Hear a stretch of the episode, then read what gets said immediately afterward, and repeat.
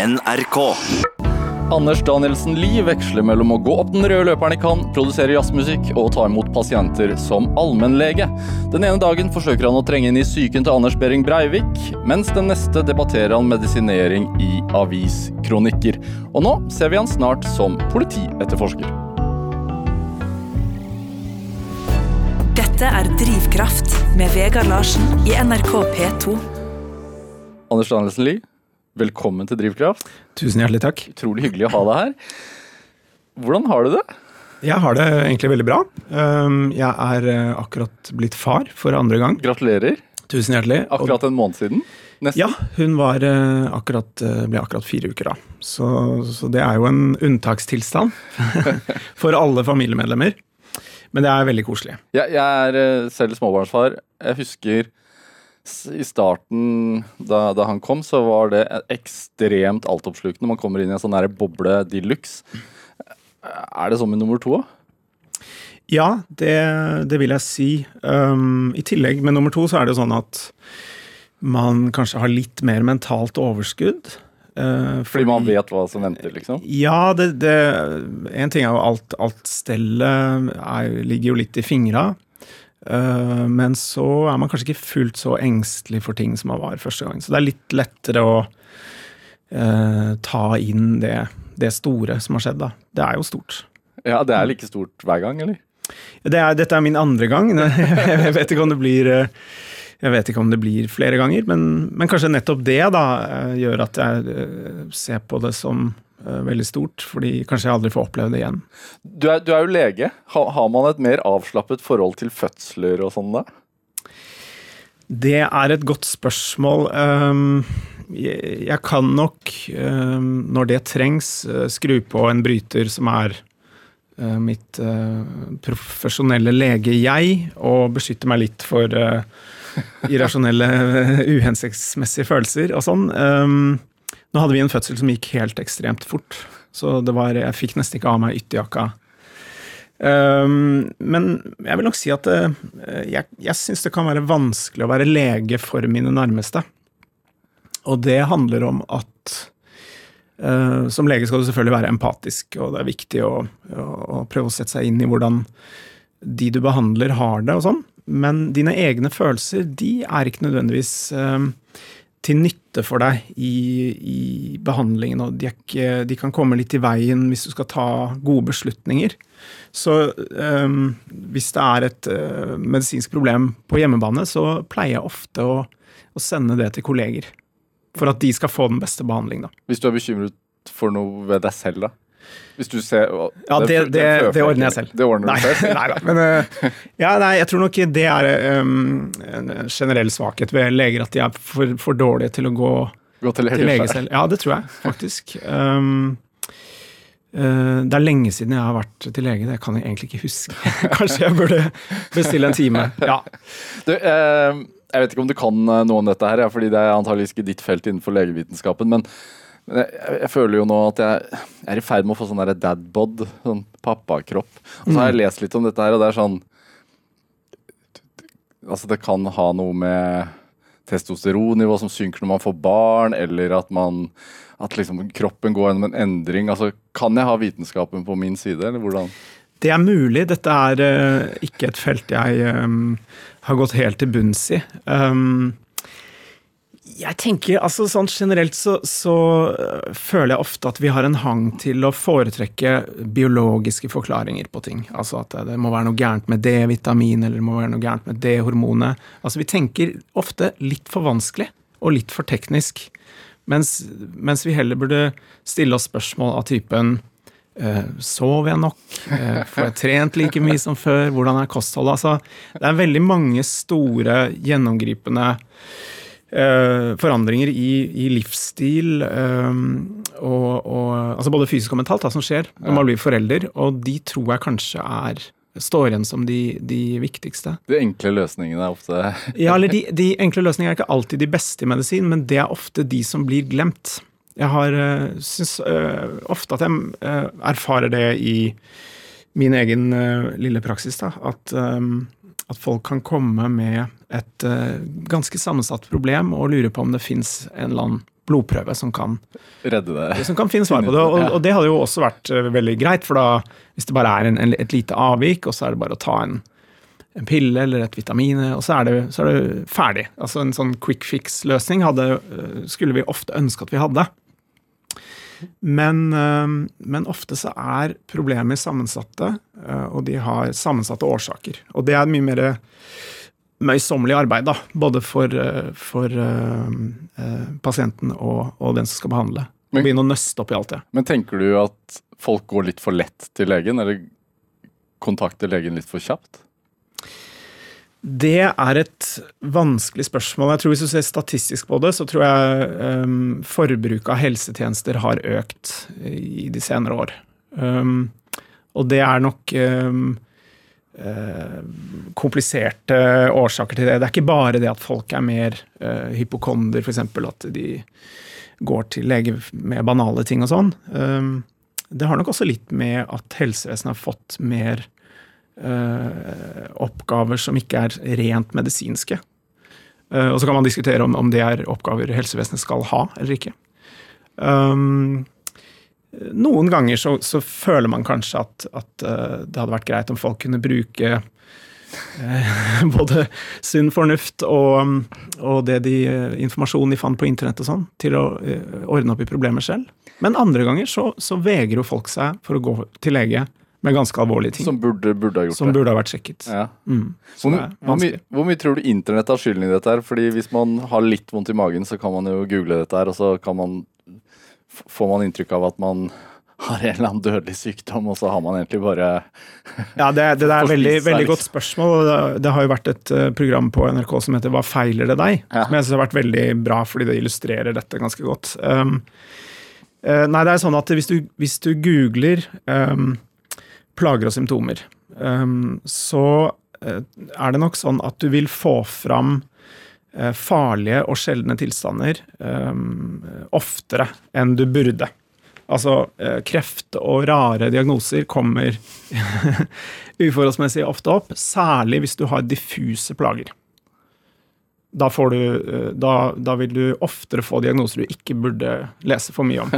Så det er, det er mange, mange pasienter som kommer til lege og er veldig engstelige fordi de uh, har lest at de er daudsjuke, og så er det egentlig noe helt annet. Men jeg merker jo, fordi du er den første legen jeg har i studio, og jeg, vi- skal prate om skuespillerkarrieren din og musikerkarrieren din, men jeg merker jo at når jeg er sammen med en, lege, så, så blir jeg alltid litt sånn Du, jeg har- en føflekk her, og så har du lyst til å se på den. Mm. Blir man som lege ofte utsatt for sånn eh, hurtigdiagnosering i selskaper? Ja, det, det tror jeg. Ja. Det tror jeg alle leger blir, og jeg tror øh, vi er litt forskjellige der øh, når det gjelder hvordan, hva vi syns om det. Noen er veldig, veldig opptatt av at de ikke gjør noen konsentrasjoner utenfor arbeidstiden. Um, andre er litt mer liberale. I helsepersonelloven så er man jo lege egentlig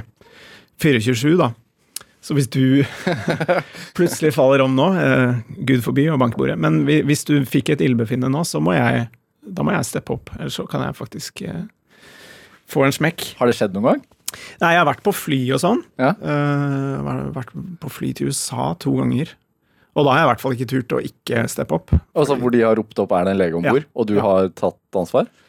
Jeg har tatt ansvar. Jeg fikk uh, Det må man jo. Ja. Altså, det er jo, eh, det er jo krevende, som det heter i, for tiden, å være lege på et fly. Men, um, men noen av disse flyene har ganske mye utstyr. Ja. Og um, en gang jeg fløy til USA, så var det en um, gammel mann som var ganske dårlig. Uh, men uh, da var jeg heldig og fikk en sånn uh, Det var en israelsk paramedic uh, om bord i flyet, I tillegg. i tillegg, som hadde bøttevis med erfaring fra bombeeksplosjoner og diverse. Så jeg hadde en meget kompetent assistent. Men da husker jeg at jeg måtte inn i cockpit, og, og da spurte de om, om de måtte nødlande eller ikke. Oi, det er så sjukt dramatisk. Ja, det var, det var ikke Vi hadde på en måte stabilisert situasjonen. Det gikk bra med pasienten? Det gikk bra med pasienten, i hvert fall på flyturen. Altså, pasienten var stabil og, og i live da vi, da vi landet. Men jeg husker at, eh, at eh, hjertet slo litt fortere når jeg lurte på om jeg skulle Nødlande. nødlande den. For det var en svær jumbojet, ikke sant. Ja. Og, og det ville jo kostet det hvite ut av øyet. Så hvis de, en granskning etterpå hadde funnet ut at jeg hadde gjort noe galt, så, så hadde jeg vært litt bekymret for den. vi Jeg hadde råd til den regningen. Men sånn er det å være lege. Eh, Jeg personlig syns at det kan være um, um, ganske givende å være å bli spurt om ting. Også fordi at det er en, enhver Ethvert spørsmål du får fra en pasient, er på en måte en ny um, sjanse til å prøve å um, forbedre seg, da. Altså, Hva mener du da? Nei, det er jo det, det viktigste man gjør som lege, er å ta opp en god sykehistorie. Ja. Ikke sant? Du får et, et problem.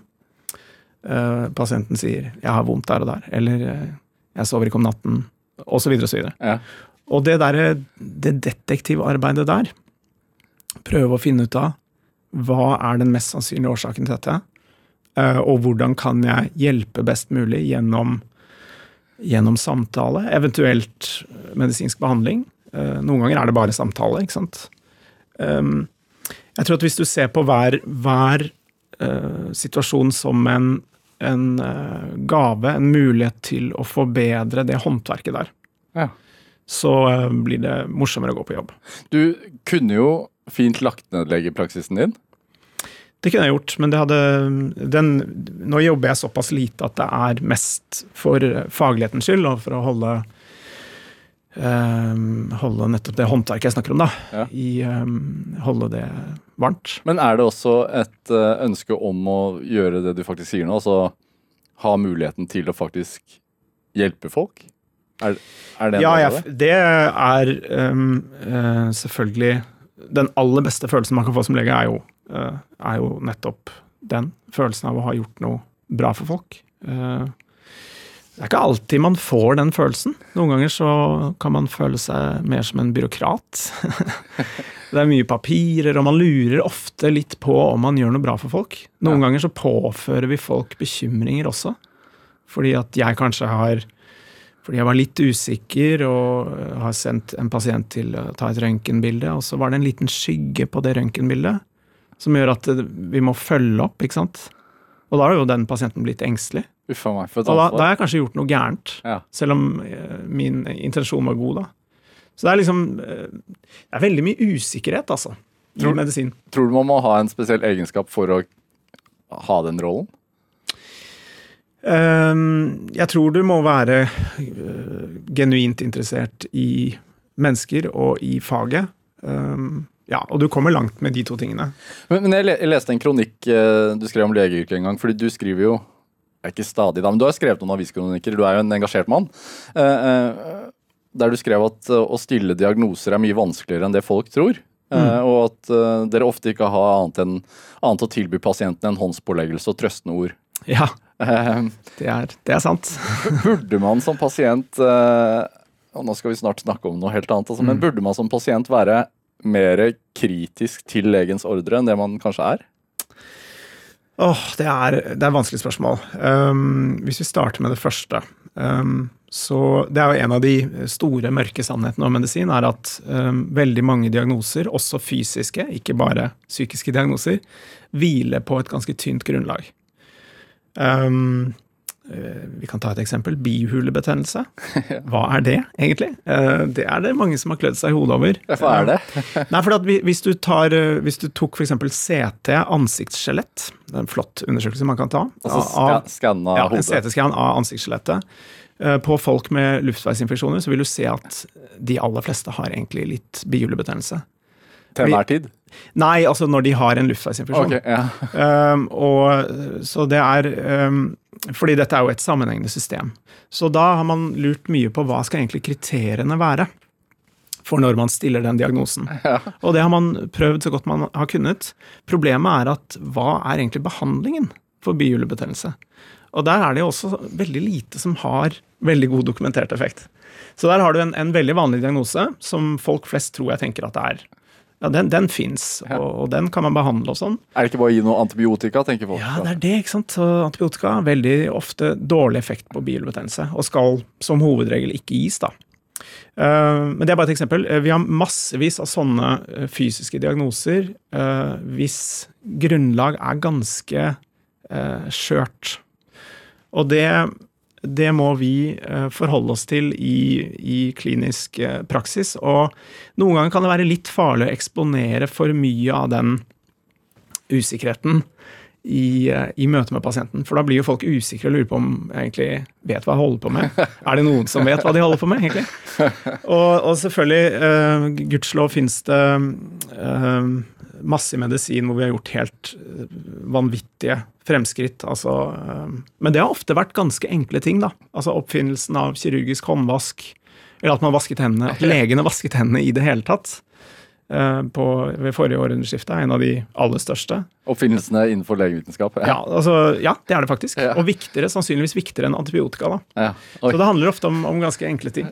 Men nei, altså Det koker vel ned til at eh, man Jeg tror man må liksom på, gi balansert informasjon. eh, prøve å ikke være for skråsikker. Prøve å være ærlig om uh, usikkerhet når det er det. Jeg tror vi er for dårlige til å si at vi ikke vet. Og, og ofte er jo det svaret, da. Men ofte er vel kanskje folk også ute etter bare noen slags placebo? Ja, og, og det er interessant. Og der begynner det å bli virkelig vanskelig. For at noen vil kanskje si at den autoriteten man har som lege, altså nettopp den følelsen av å vite hva du holder på med, er en stor del av placeboeffekten. Og hva skjer hvis en lege er 100 ærlig da, om fagets eh, grunnlagsproblemer i møte med pasient? Eh, kanskje, er det, kanskje er du da en dårligere lege. Så det, det viser bare hvor, hvor vanskelig dette er. Ja, Placeboen er en del av medis medisineringen, rett og slett. Absolutt. Veldig interessant. Vi skal snakke litt mer om din filmkarriere. Jeg prøvde å tenke eh, før du kom her i dag, og, og, jeg kom ikke på Har du, har du spilt lege noen gang? Uh, nei, vet du hva, det tror jeg kanskje ikke jeg har. Nei, hvorfor det? Er Nei, det er eh, ja, regissører der ute. Ja. Nå må dere Nei, skjerpe dere. Ville vært lite troverdig som lege på film eller TV? Eh, Kanskje Det hadde jo vært uh, veldig meta og veldig morsomt. Hvis jeg, ikke hadde, hvis jeg hadde null troverdighet som lege. Dette er Drivkraft med Vegard Larsen i NRK P2. Og i dag har vi lege, musiker og skuespiller, og også forfatter, for å understreke det. Anders Danielsen Lie her hos meg. Eh, moren din er skuespiller, faren din er eh, psykiater. Var det press hjemmefra som førte til dette der? Eh, her kjenner jeg at jeg sannsynligvis bør gå i eh, psykoanalyse for å komme til bunns i hvordan jeg kunne ende opp eh, både som min far og min mor, på en måte. Ja. Jeg pleier å si at uh, det aldri blir lagt noen føringer hjemmefra. Du pleier å si det. Ja, Så er det mulig at det, det er en fase før jeg ble, som jeg ikke husker, da, hvor jeg ble uh, indoktrinert. Kanskje det Nei, jeg vet ikke. Jeg tror jo at det åpenbart må være noe uh, arvelig her, som kanskje er uh, til og med biologisk og Ja, jeg vet ikke. Men det er jo, det er jo litt gøy. Ja, det er gøy. Det er det. Jeg har aldri eh, hatt noe problem med det selv. Um, det har vært eh, to um, store interesser jeg har hatt, og jeg har ikke helt klart å ofre den ene framfor den andre. Hva, hva drømte du om å bli som barn, da? Husker du det? Ja, da drømte jeg ikke om noen av delene. Nei. Eh, Fordi jeg skulle bli musiker, og det var, det var egentlig alt min barndom besto av, var, var musikk. Det var det eneste jeg holdt på med, omtrent. Um, så den skuespillerkarrieren, den kom litt inn fra venstre. Uh, I form av en uh, forespørsel om å gå på en audition Som tiåring? som tiåring. Ja, for du, du debuterer som tiåring på filmlerretet, eller var du elleve eller ti? Ja. Eh, Jeg ble elleve i løpet av innspilling. Ja, i, i i Erik Gustafssons 'Herman', da, basert på Lars Aabye Christensens roman med samme navn. Uh, vi har litt lyd fra den filmen. Ja, det er kanskje en stund siden du har hørt dette? det er lenge siden. Ja, skal vi se.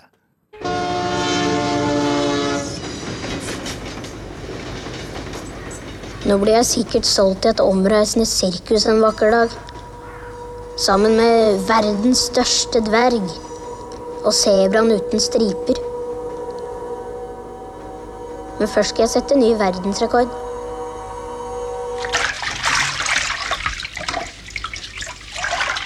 Hvorfor har du øl i håret, Herman? Hvor fikk du tak i det? Rappete. rappet øl hos Jacobsen jr., Herman? Hos panten. Var det panten som satte deg på ideen? Jeg mener det med, det med øl i håret? Hjalp det? Nei, Herman. Sånt hjelper ikke i det hele tatt. Vi må nok heller ta tiden til hjelp, sånn som doktoren sa. Det har ikke hjulpet bestefar ennå. Ja, Anders Dahlensen liv. vi hører lyd fra Herman, altså din debut på filmlerretet som, som tiåring. Hvordan er det å høre dette her? Det var veldig morsomt. Eh, Jeg, jeg husker veldig godt den filmen. Eh, Jeg husker scenene, jeg husker innspillingsdagene. Det gjorde veldig inntrykk. Eh, Det var en overveldende mm, erfaring, altså, å spille en så stor rolle så ung. Og jeg lærte mange ting, annet at jeg aldri skulle gjøre det igjen. det var veldig fast bestemt på. Jeg synes, Um, og det var kanskje litt den et første møte med å trå over virkelighet og fiksjon-grensen. Bare for å uh, oppsummere, altså Filmen handler jo om Herman som bor i Oslo uh, sammen med moren og faren sin. Og så uh, får han en hårsykdom, så han mister Mm. håret. Ja. Og, og filmen fikk masse oppmerksomhet da den kom, øh, mye pga.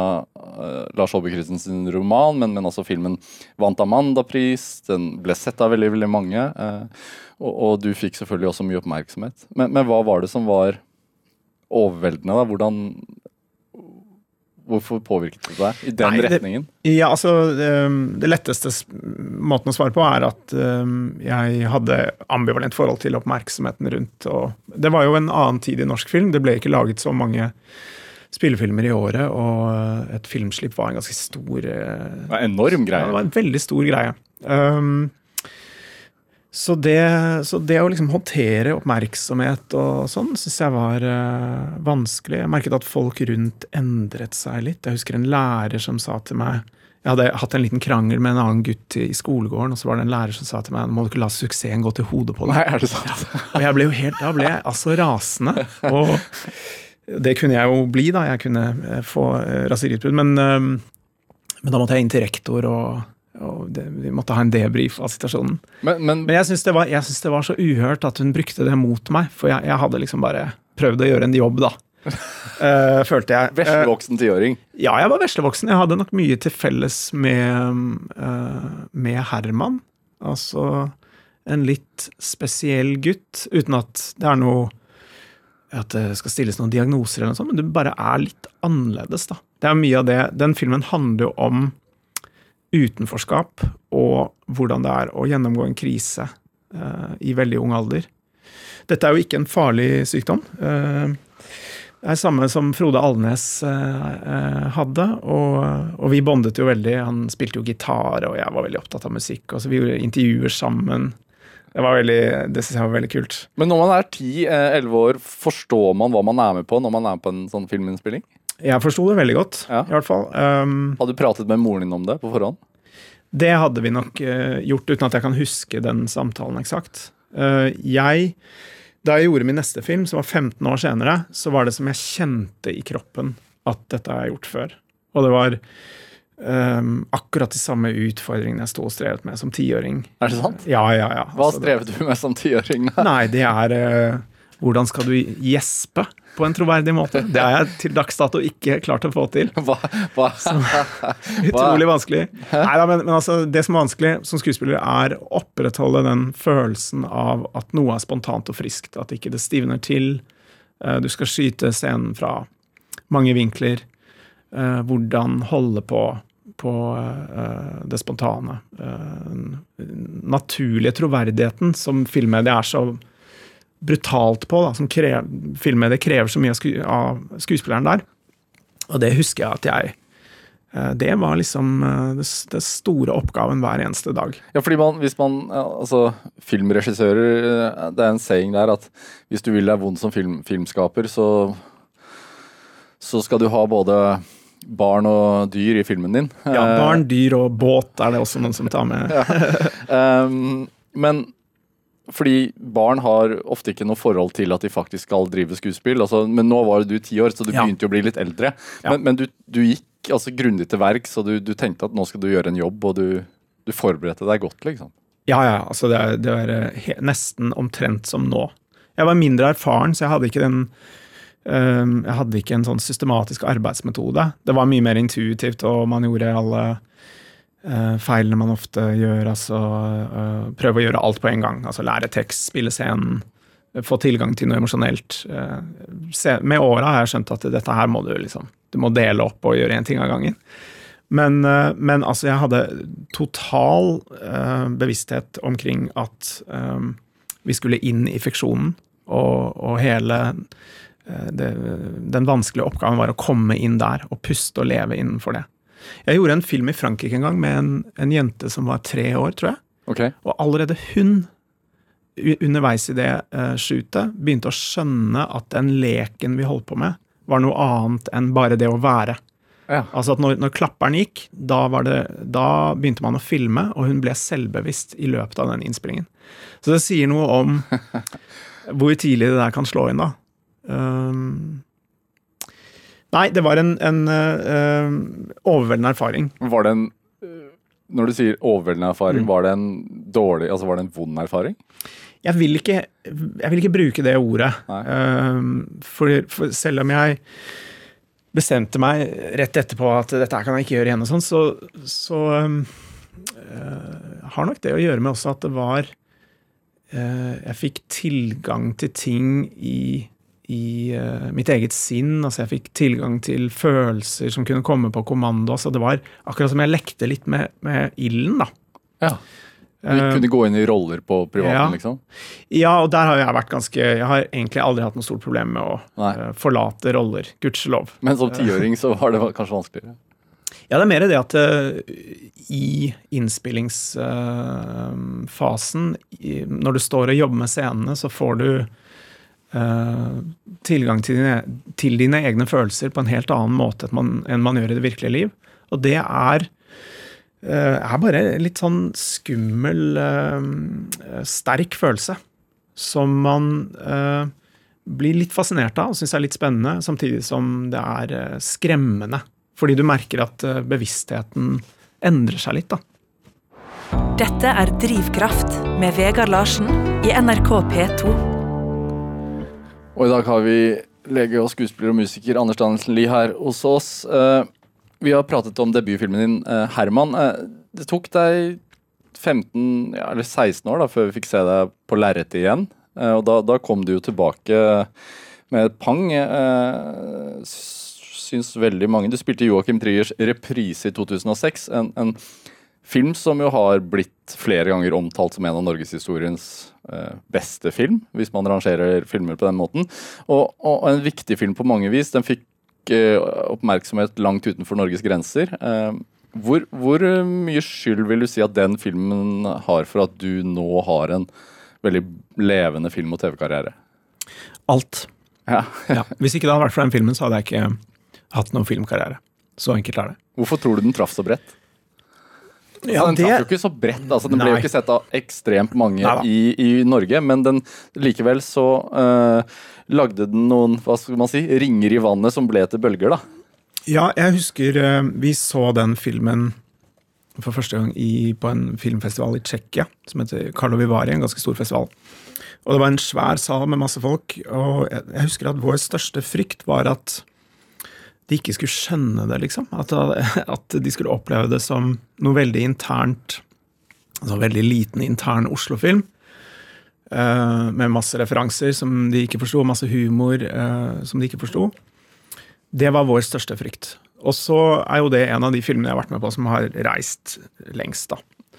Den har jo vært uh, overalt i hele verden og har en slags uh, ja, kultstatus. kultstatus. Ja. Den har det. Så, så um, det er jo Jeg husker jeg var i New York året etter den kom, eller to år etter den kom, og da, da ble den vist på en av de store salene på Manhattan som viser Eh, europeisk film, da, mm. eller ikke engelsktalende film, med masse plakater og Anders Danielsen Lie ute i gatene. Mm. Så altså, den levde et liv. Ja, det var veldig, veldig spesiell opplevelse, og, og ganske uventet. Men etter hvert, når jeg har holdt på med dette en stund, så, så skjønner jeg at det er jo um, Det er noen sånne eh, generelle prinsipper her som går på at hvis du lager noe lokalt som er veldig spesifikt og nært og, og sant uh, og, uh, for det miljøet du portretterer, så vil det eh, kunne få et globalt nedslagsfelt. I, I lignende miljøer verden over. Ja. Ja. Og Skam er jo ikke sant, veldig godt eksempel på det nyere, hvor, hvor man har bare vært ganske hardcore og kjørt veldig på, på, på noe nært og lokalt. Og gjort god research, da. Julie Andem gjorde jo helt uh, fantastisk research på, på Skam. Men det er da du får ting til å fly, tror jeg. Eh, For da er, er sjansen ganske stor for at andre også vil fornemme den følelsen av av uh, noe autentisk og noe, noe som er virkelig. Og mennesker er jo, selv om kulturer er forskjellige, så, så er vi alle mennesker, og vi har eh, overraskende mye til felles. Hva, hva var det den eh, filmen trigget i deg eh, i 2006 som du ikke fikk eh, eh, 16 år tidligere? da? Som gjorde at du at, tenkte at dette her vil jeg fortsette å drive med?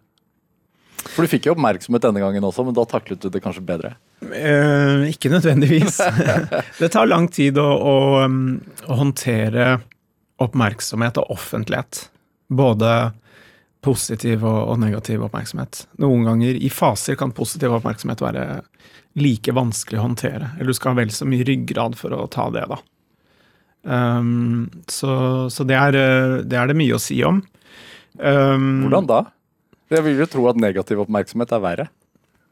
Det er, det er jo det alle tenker. Og der og da så kan det oppleves uh, selvfølgelig uh, som en katastrofe. Særlig hvis du har jobbet uh, hardt og lenge med noe, og det er noe du har sterk tro på, og det faller pladask. det har jeg vært ganske heldig. Jeg har ikke opplevd så mye av det, men jeg har opplevd det noen ganger. Um, og de opplevelsene er jeg veldig glad for at jeg har fått. Altså alle mine nederlag eh, karrieremessig um, har vært uh, det man kaller en blessing in disguise på engelsk. Altså at det har vært um, noe jeg har vokst på, og noe jeg kunne ta med meg videre. Og har gitt en slags vaksine, da, Ja. uh, mot, mot å gå virkelig langt i kjelleren uh, ved senere anledninger. Jeg tror ikke det er sunt å Hva ser du på som bare nå? Hæ? Hva, hva er nederlagene? Nei, det kan være alt fra um, det som jeg sa, at du har vært med på um, en TV-serie eller en film som bare går rett i Som bakken, flopper? liksom. Ja. Ikke som nødvendigvis flopper, men som, blir litt, som får litt hard medfart, da. Ja. Eh, det kan være tøft. Det kan være at du har fått en svær rolle du får sparken fra. Eh, I USA, for eksempel. Det har jeg opplevd. Men hvordan Det er var det ikke morsomt. Hvorfor er det verre å uh, få suksess? Eller kan det være Jeg verre? sier ikke at det er verre, fordi at uh, om jeg fikk nydelig kritikk i morgen, så hadde jeg vært blid som en lerkefugl hele den dagen. Stakkars Anders Andersen Hansen men, men jeg kjenner, etter å ha vært i bransjen da, i egentlig i ja, 30 år, på en måte, så føler jeg at den det, God kritikk er jeg, jeg ser på det på en annen måte. Jeg tenker at ja, det er nyttig for markedsføringen av den filmen. Det er sånn jeg kan tenke, Eller at, eller at det kan være eh, Jeg er litt, kanskje litt mer kynisk, på en måte. Altså, jeg får ikke så mye ut av det på det personlige plan. Nei. Og det er også fordi at jeg vet at det går litt opp og ned. ikke sant? Det, er, eh, det skal gå litt opp, og det skal gå litt ned. Og, um, og man, jeg husker Bjørn Sundquist sa til meg en gang eh, eh, Han kan eh, si mye, mye klokt, og, og en ting han sa, var at du kommer til å oppleve i karrieren at du får eh, priser og kri god kritikk og sånn for ting du ikke hadde lagt så mye arbeid i, eller ting du ikke satt så høyt selv. Og så er det andre ting hvor du har lagt sjela di i det. Du har virkelig eh, vrengt eh, alle, alt du hadde, og så er det ingen som skjønner det. Du blir misforstått, liksom. Ja. Eh, og det, det husker jeg, det har jeg tenkt på etterpå, at eh, eh, det, det må du minne deg selv på hver gang det er noe som skal lanseres, noe som skal ut. Nå kan det, det, kanskje det kommer noen helt uventede reaksjoner. Ja. Um, og det eneste du kan gjøre, er å gjøre så godt du kan til enhver tid. Prøve å, å følge rutinene dine. Man har jo litt erfaring, altså man må stole litt på det. Du, du eh, jobba jo med Joakim Trier igjen med Oslo 31. august, eh, og, og, som jo hadde også stor suksess. Eh, tok dere jo til Cannes annet, og, og nå skal dere i gang med en siste film eh, i denne Oslo-trilogien. Mm. Eh, 'Verdens verste menneske' heter den filmen, hvis jeg har forstått det rett. Mm. Eh, hva kan du si om den, egentlig? Ja, jeg, jeg tror ikke jeg skal si så mye om øh, den filmen, annet enn det som har vært sagt øh, til nå. Og det har jeg ikke full, full oversikt over hva som har vært sagt. men hvis jeg har forstått det rett, da, så er det, altså det er jo en del av i denne trilogien, og det, dette er jo filmer som handler om uh, eksistensiell refleksjon, begge Ja. to. Og, og så vidt jeg forstår det, så handler også denne nye filmen om en slags form for eksistensiell refleksjon. Hvorfor, hvorfor treffer det temaet deg? Det treffer nok meg fordi jeg alltid har um, øh, vært øh, rammet av eksistensiell refleksjon øh, i perioder av livet mitt. Eh, altså, jeg kan bli veldig melankolsk av at tiden går. Og det høres veldig svevende og filosofisk ut, men da mener jeg faktisk at jeg kan bli melankolsk av å se at uh, mennesker rundt meg som jeg uh, er nær, da, at de blir eldre. Uh, jeg kan bli melankolsk av å tenke på at eh, de uh, ukene jeg har nå med min datter, akkurat så gammel som hun er nå, de uh, er borte om noen uker. Og de får jeg aldri igjen. Sånne ting. Um, jeg, jeg føler at Joakim uh, Trier og Eskil Fugt har um, prøvd å lage noen filmer om minnet, hvordan, hvordan vi husker livene våre, og hvordan det er koblet til følelser. Altså hvor ekstremt uh, følelsesladd minner om livene våre er, da. Og hvordan det på en måte preger også de livene vi faktisk lever i nåtid.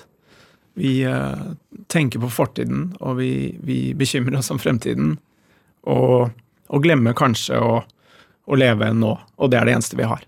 Det er eh, det, Og det hørtes veldig eh, mindfulness ut, akkurat Men, det. men bruker du det i livet ditt? ja, ja, ja, At du må minne deg på å leve nå? Absolutt. Og det, og det, så dette er en sånn kjernetematikk som jeg er veldig opptatt av i livet mitt. Og jeg føler at i Joakim sine filmer så har vi funnet et uh, uh, Så har vi liksom fått muligheten til å behandle det, da. I, innenfor en filmfortelling.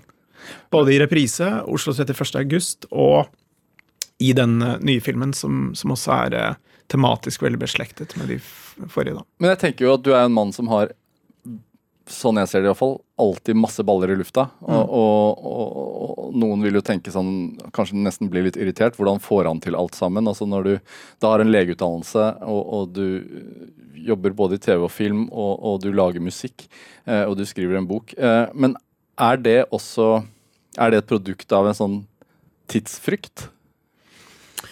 Eh, det, kanskje. Ja, jeg kan jo. Jeg er veldig redd for at tiden går, og nå blir jeg snart 41, og jeg synes eh, jeg ble 40 i går. Og, altså, hvis jeg ser for meg hvordan dette her kommer til å skride fram, da, så er det, det er, jeg, begynner å skjønne hvor fort dette går. Um, om det Det er ikke det at jeg har noen sånn øh, følelse av at det er om å gjøre å få gjort mest mulig. Men du har et veldig uttrykksbehov. ja, jeg har et uttrykksbehov. Det, det har jeg skjønt. Um, noen ganger er jeg like mye drevet av interessene mine som av behovet for å uttrykke noe selv. Ja.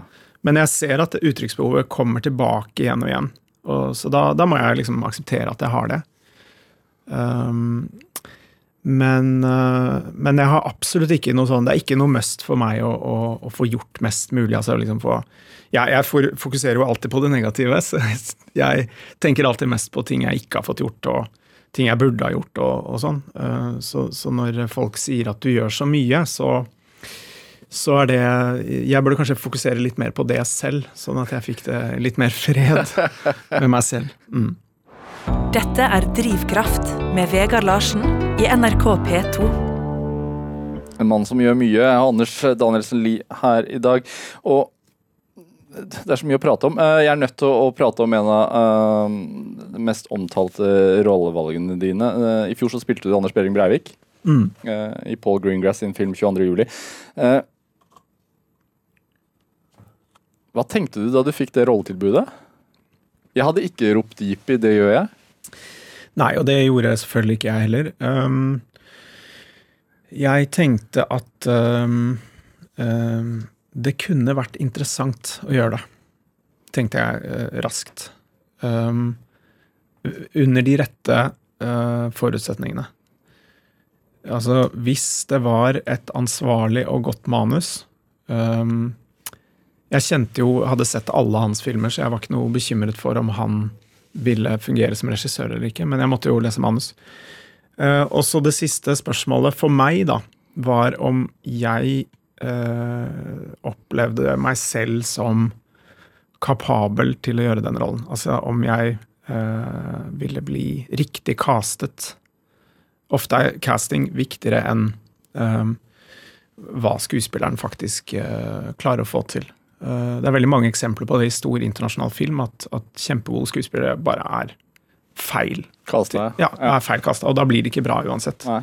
Så det var liksom Hvis de forutsetningene var oppfylt, så trodde jo jeg eh, at jeg kanskje hadde et fortrinn fordi eh, jeg har en annen bakgrunn. Fordi jeg i egenskap av lege er eh, ganske drillet på å kvalitetssikre god og dårlig kunnskap. Altså Uh, jeg, når man skal gjøre research, for det vil jo bli en viktig del av det. Ja. Og det har jo vært en, uh, en mye omtalt verdensomspennende diskusjon om, om Breiviks psykologi, og hvorvidt han har en diagnose eller ikke. Alt dette. Og der tenkte jeg at her kan jeg kanskje bidra med noe til å lage et så Til å lage et ansvarlig portrett, da. Men jeg tenker jo at du uh, bestemmer hvilke roller du tar på egen hånd, men dette her tenker jeg er et rollevalg man nesten må ta opp på hjemmebane før man takker ja til. Og det gjorde jeg også, selvfølgelig. Det er jo det siste, uh, den siste forutsetningen som må være på plass, som jeg glemte å ta med. Um, jeg, jeg, vil nok si, selv om jeg selvfølgelig drøftet dette med, med, med min nærmeste familie og sånn, um, så uh, må jeg nok si at til syvende og sist hadde jeg tatt den avgjørelsen. Uh, og jeg hadde kanskje tatt den avgjørelsen selv om de hadde hatt motforestillinger. Det var så viktig for deg at det skulle bli gjort? Det var ikke viktig for meg at jeg skulle gjøre rollen, men um, hvis jeg følte at jeg kunne bidra med noe, uh, og jeg følte at prosjektet var bra, så ville jeg gjøre det for å prøve å um, dette kan høres kanskje litt uh, rart ut, men at, at, det var, at, det var, gjort ans så ansvarlig som mulig. Jeg hadde en tro på at jeg kunne gjøre det på en ansvarlig måte. Faktisk. Hvordan, hvordan, ja, hva, hvordan, hva mener du med det? Altså gjøre det ansvarlig? Jeg mener med det at um, fordi jeg er så opptatt av um, sannhet i i all dens bredde og dybde, for det er, jeg, det er kanskje noe av det jeg brenner for i mitt liv. da. At, eh, og sannhet er ofte ganske komplekst. Og det jeg var mest redd for, var at man skulle få et portrett av Breivik som var ensidig eller vektet i en eller annen retning. Kanskje fordi man f.eks. måtte ha en eller annen agenda. At det var viktig å frems, få ham til å fremstå som en psykisk forstyrret person. Når det egentlig var andre mulige øh, øh, årsaker til at han gjorde det han gjorde. Og så skal jeg være den første til å si, etter å ha brukt fryktelig mye tid på dette, da, så skal jeg øh, si i all ydmykhet at jeg nådde et punkt hvor jeg syntes det var vanskelig å forstå. Ja. Men, men, jeg ble litt klokere. Og uh, dette har jeg jo sagt tidligere også, men jeg I den um, den miksen av årsaker da, hvor vi kan fokusere på barndom, eh, biografi, personlighet, psykologi, eh, forholdet til, til mor eh, og til syvende og sist politisk ekstremisme og radikalisering, så opplevde jeg at den siste biten, altså effekten av politisk ekstremisme og radikalisering, var undervurdert i den norske offentligheten. offentlighetens samtale om hva som gjorde ham til terrorist. Var det, det, det um, så det ønsket jeg å vektlegge i min uh, uh, rolletolkning. Altså, du, du ønsket faktisk å si noe mer? Ja, jeg ønsket uh, Jeg følte et ansvar for, basert på, på det materialet jeg har fått tilgang til, som de aller fleste ikke, ikke har tilgang til, da. Mm. Uh, å si at uh, jeg tror at vi undervurderer den direkte effekten av uh, politisk ekstremisme og radikalisering. Og så kan man selvfølgelig være sårbar for å bli radikalisert pga. ting som har skjedd i barndom og oppvekst. Um, men jeg um, Jeg opplevde at jeg ikke helt fant nok dokumentasjon da, for at han hadde blitt uh, At han skulle ha utviklet de uh, sårbarhetsfaktorene bare av uh, de tingene som måtte ha skjedd i barndommen. Nei, ikke sant? Så mange, å skylde på oppvekst ble for enkelt. Ja, det, det opplevde jeg at mange gjorde. Ja. Uh, eller at mange i hvert fall trakk linjer tilbake til, til ehm, forholdet til moren. På en, på en måte som jeg syns var spekulativ. kan et sånt rollevalg eh, være en sjanse å ta i forhold til eh, videre rolletilbud? Ja, det tenkte jeg på, at eh, hvis karrieren min stopper her, så Så da får den bare gjøre det. Det var det verdt. Ja, jeg mente det, altså. Ja. Fordi at jeg ville heller øhm, Jeg syns at det var en interessant oppgave som skuespiller. Jeg syns det var en vanskelig oppgave, men jeg, jeg merket at, at, øhm, at den utfordringen motiverte meg. Hvordan var det å, å gå inn i rollen, da? Akkurat det å gå inn i rolle og spille scener er for meg et ganske teknisk arbeid. Ja. Uh, nå vet jeg at jeg tidligere i programmet har sagt at, at jeg allerede i min første filmrolle uh, smakte litt på hvordan det er å krysse fiksjon og virkelighetsgrensen, da. Men det betyr ikke at jeg, at jeg at det er en slags sånn eh, Dr. Jekyll and Mr. Hyde-prosess på meg, det å gå inn i rolle. Eh, det handler vel så mye om å få scener til å fungere, og eh, ganske musikalsk arbeid. Um, og her var det ekstra vanskelig òg, fordi vi hadde en, et helnorsk cast som snakker engelsk. De aller fleste hadde aldri spilt på engelsk før. Så det er en ganske formidabel utfordring. Det er mange store skuespillere som, eh, som endrer seg totalt når de skal spille på et annet språk. Og, og eh, her var det masse amatører ikke sant, også. Som, eh, og, og mange med erfaring, men lite filmerfaring, som skulle gjøre det. Ja. Det er veldig risikabelt. ja. Var du Man er jo engstelig før filmlanseringer. Var du ekstra engstelig da denne skulle vises? Jeg var ikke engstelig, for jeg var på en måte så det ligger litt i sakens natur at når du lager en film om 22. juli, så må du forvente at, uh, at man får en litt polarisert mottakelse.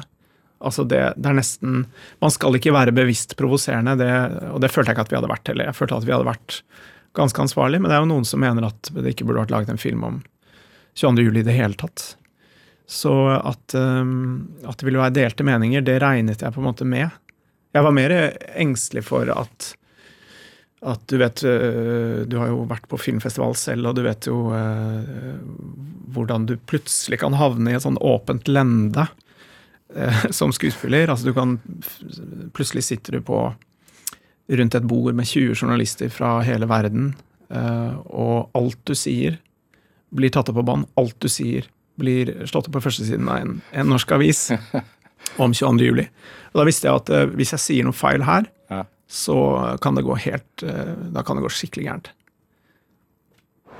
Dette er Drivkraft med Vegard Larsen i NRK P2. Og i dag er skuespiller, lege og musiker Anders Danielsen Lie her hos meg. Vi har pratet litt om eh, 22. juli-filmen som du spiller, eller spilte i. Eh, over til noe litt annet, eh, og nå begynner denne timen å gå mot slutten. Eh, merkelig nok, jeg syns jo vi bare har fått tappet så vidt innom alt det du driver med. du, du er en mann med mange sysler. Eh, men, men eh, om ikke så veldig lenge så er du å se som eh, politietterforsker, altså den rake motsetningen Anders Behre Breivik, eh, i serien Besatt, som går på Viaplay. og, og du spiller mot Anders Bosmo Christiansen. Det er klassisk nordisk noir, dette her, eller hva er det? Eh, ja, på en måte kan man vel eh, si det. Eh, det er en, eh, er en politikrim, i bunn og grunn. eh, med et, eh, altså et, et plottdrevet eh, spenningsdrama. eh, eh, Med, med litt eh, eh, grøsserelementer. Jeg tror mange ville oppleve den som skummel. altså Skikkelig skummel. Eh, Så det, det er en spenningsserie. Eh, Men, og den har også litt, litt overnaturlige elementer. Eh, Derav er- tittelen. Derav eh, tittelen, ja. Selv om den kan jo også forstås litt som en sånn som en allegori, som det heter. Altså at eh, av å, besatt av å løse mysteriet. ja, det kan, være, det kan være det. Det kan være at noe av det vi opplever, er, er måter å vise øh, psykologiske forhold på. Det, det skal jeg la være åpen for tolkning, og jeg skal prøve ikke, ikke spoile noe heller. Men det som var gøy for oss, var at vi ma- mange kunne kanskje tenke at nå, vi, nå lager vi fiksjon, og her skjer det rare ting, så da er det ikke så nøye liksom, om, om det er sånn politifaglig innafor. Men vi, vi, eh, vi gjorde helt ekstremt mye research på, på det politifaglige. Ja. Så at vi tenkte at, at det ville være en spennende kontrast til noe av det som skjer i serien. At vi skulle være, prøve å lage den aller best researcha politiserien. Du og Anders Båsmo. Ja, jeg og Anders Båsmo, Eirik Svensson som har regi, og, Ja. og Rune Densa Langlås som også har regi. Uh, og, og manusteamet. Det, det ble en kjepphest for oss i, i det kreative teamet. da, At uh, vi skulle prøve å um, Nettopp fordi vi skulle ha disse overnaturlige elementene, så skulle vi virkelig få en følelse av at uh, sånn er det i Oslo politidistrikt om dagen. Har du noen eksempler på hva du gjorde annerledes pga. denne researchen? Ja, det, det er jo uh, alt fra um, veldig sånn små detaljer, det kan være uh, Uh, altså det, det kan være gangen i en etterforskning. Veldig mye det. Vi hadde eminent uh, hjelp fra en uh, politimann som heter Stein Amundsen, som var med oss som konsulent på, på absolutt alt. Altså alt fra det som heter sånn taktisk uh, forflytning når du kommer på et åsted, eller hvis du skal uh, pågripe en person, eller Altså hvordan man beveger seg. Hvordan man beveger seg med våpen. Våpenet skal ikke være i hanskerommet på bilen, som det har vært i noen norske politiserier. Altså, det er mange ting som Jeg er litt opptatt av at hvis det er noen som ser en serie, og som er politi selv, da, som jobber i politiet, og, og de ser noe som skurrer, Uh, noe som gjør at de tenker at det er ikke sånn vi gjør det, dette er feil.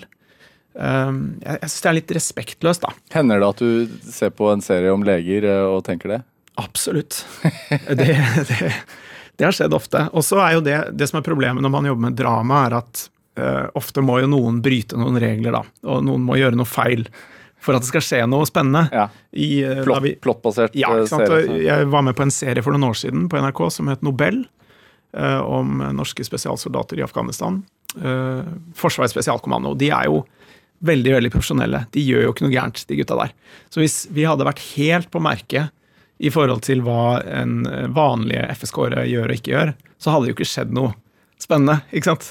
Så, så det er liksom dilemmaet. Noen må gjøre noe, noe galt. Men er, jeg, jeg liker å vise for de innforståtte at vi har prøvd å, å virkelig å sette oss inn i virkeligheten, da. Eh, denne eh, serien eh, Besatt eh, er en del av programmet på seriedagene i Oslo i dag, mm. s- som NRK har bl.a. sammen med TV 2 og Aftenposten. Eh, og- du som lytter, du, kan høre mer om denne eh, serien i Kulturstripa på P2 i dag klokka to. Der er Anders Bosmo, din navnebror, eh, og forteller om den serien.